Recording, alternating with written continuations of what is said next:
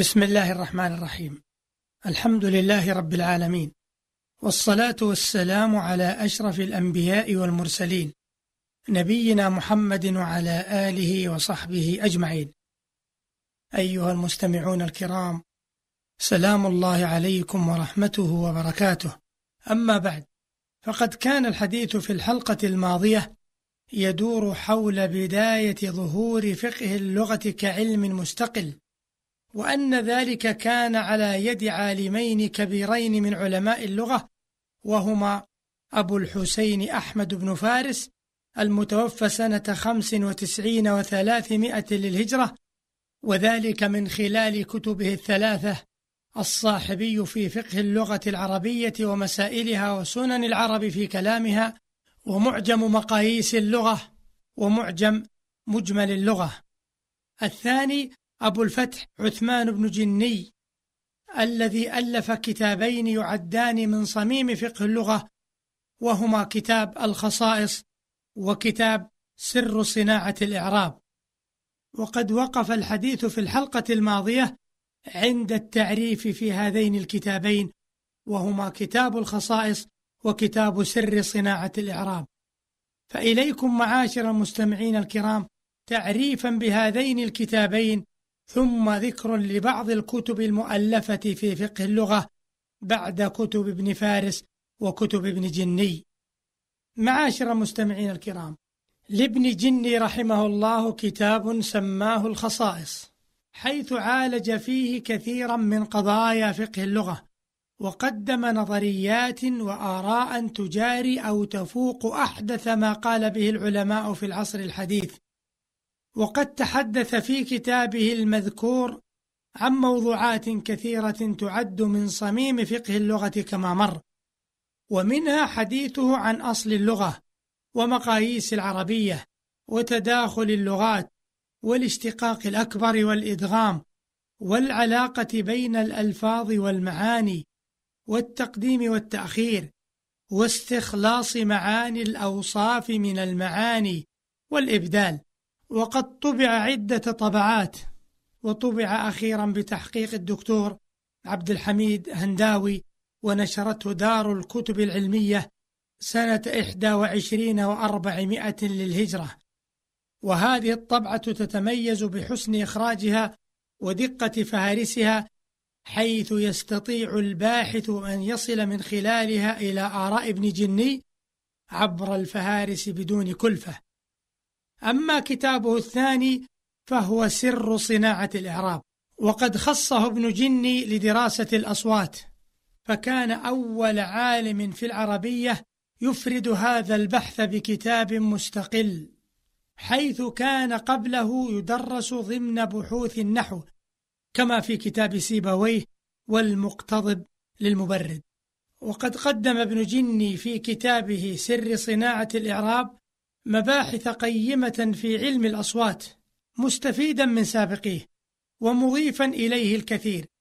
فهو في مقدمته يتحدث عن الفرق بين الصوت والحرف وهو يشبه الحلق والفم بالناي ويذكر أن الحركات أبعاض حروف المد ثم يتحدث عن الحروف ومخارجها وأجناسها ومدارجها وفروعها المستحسنة والمستقبحة كما ذكر خلاف العلماء فيها مستقصا مشروحا. وبعد ذلك يعقد لكل حرف من حروف العربية مرتبة على الحروف الألفبائية بابا يتكلم فيه على صفاته ومخرجه وما يعرض له من قلب أو إبدال أو إدغام كما يتعرض لكثير من القضايا النحوية.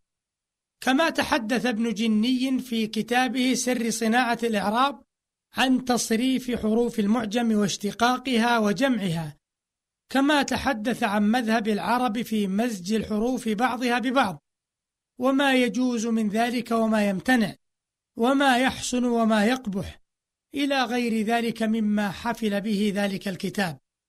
والناظر في هذا الكتاب يلحظ فيه مزايا عديدة منها على سبيل الإجمال غزارة المادة والوضوح والسهولة والشمول والاستقصاء.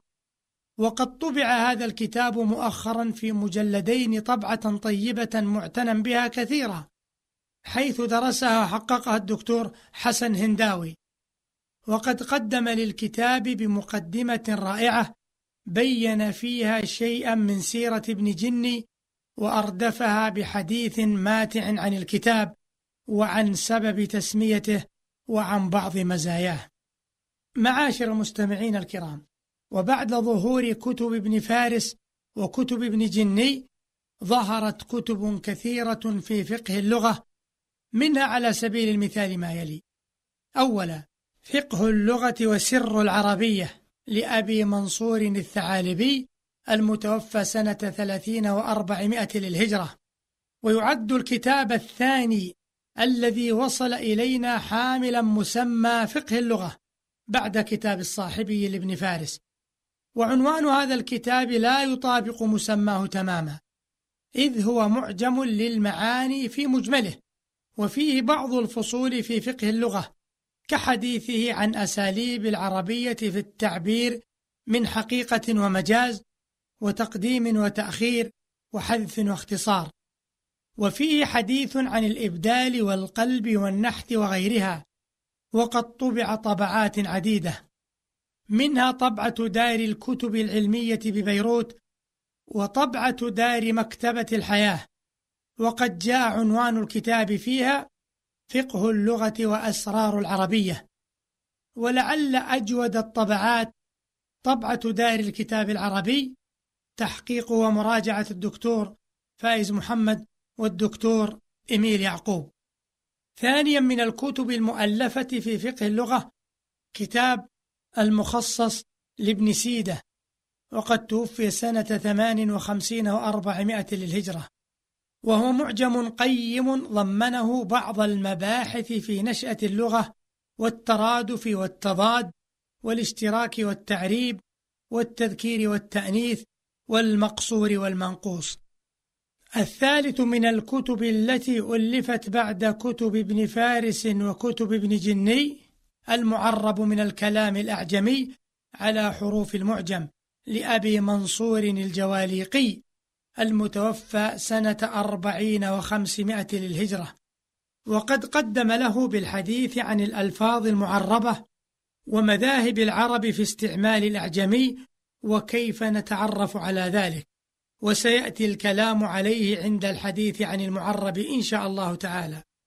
الرابع كتاب المزهر في علوم اللغة وأنواعها للسيوطي المتوفى سنة إحدى عشرة وتسعمائة للهجرة.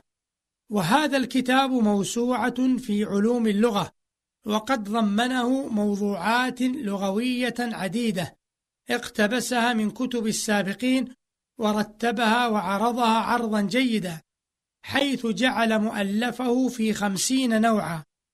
ثمانية في اللغة من حيث الإسناد وثلاثة عشر من حيث لطائفها وملحها وواحد راجع إلى حفظ اللغة وضبط مفاريدها وثمانية راجعة إلى حال اللغة ورواتها ونوع لمعرفة الشعر والشعراء. والأخير لمعرفة الأغلاط.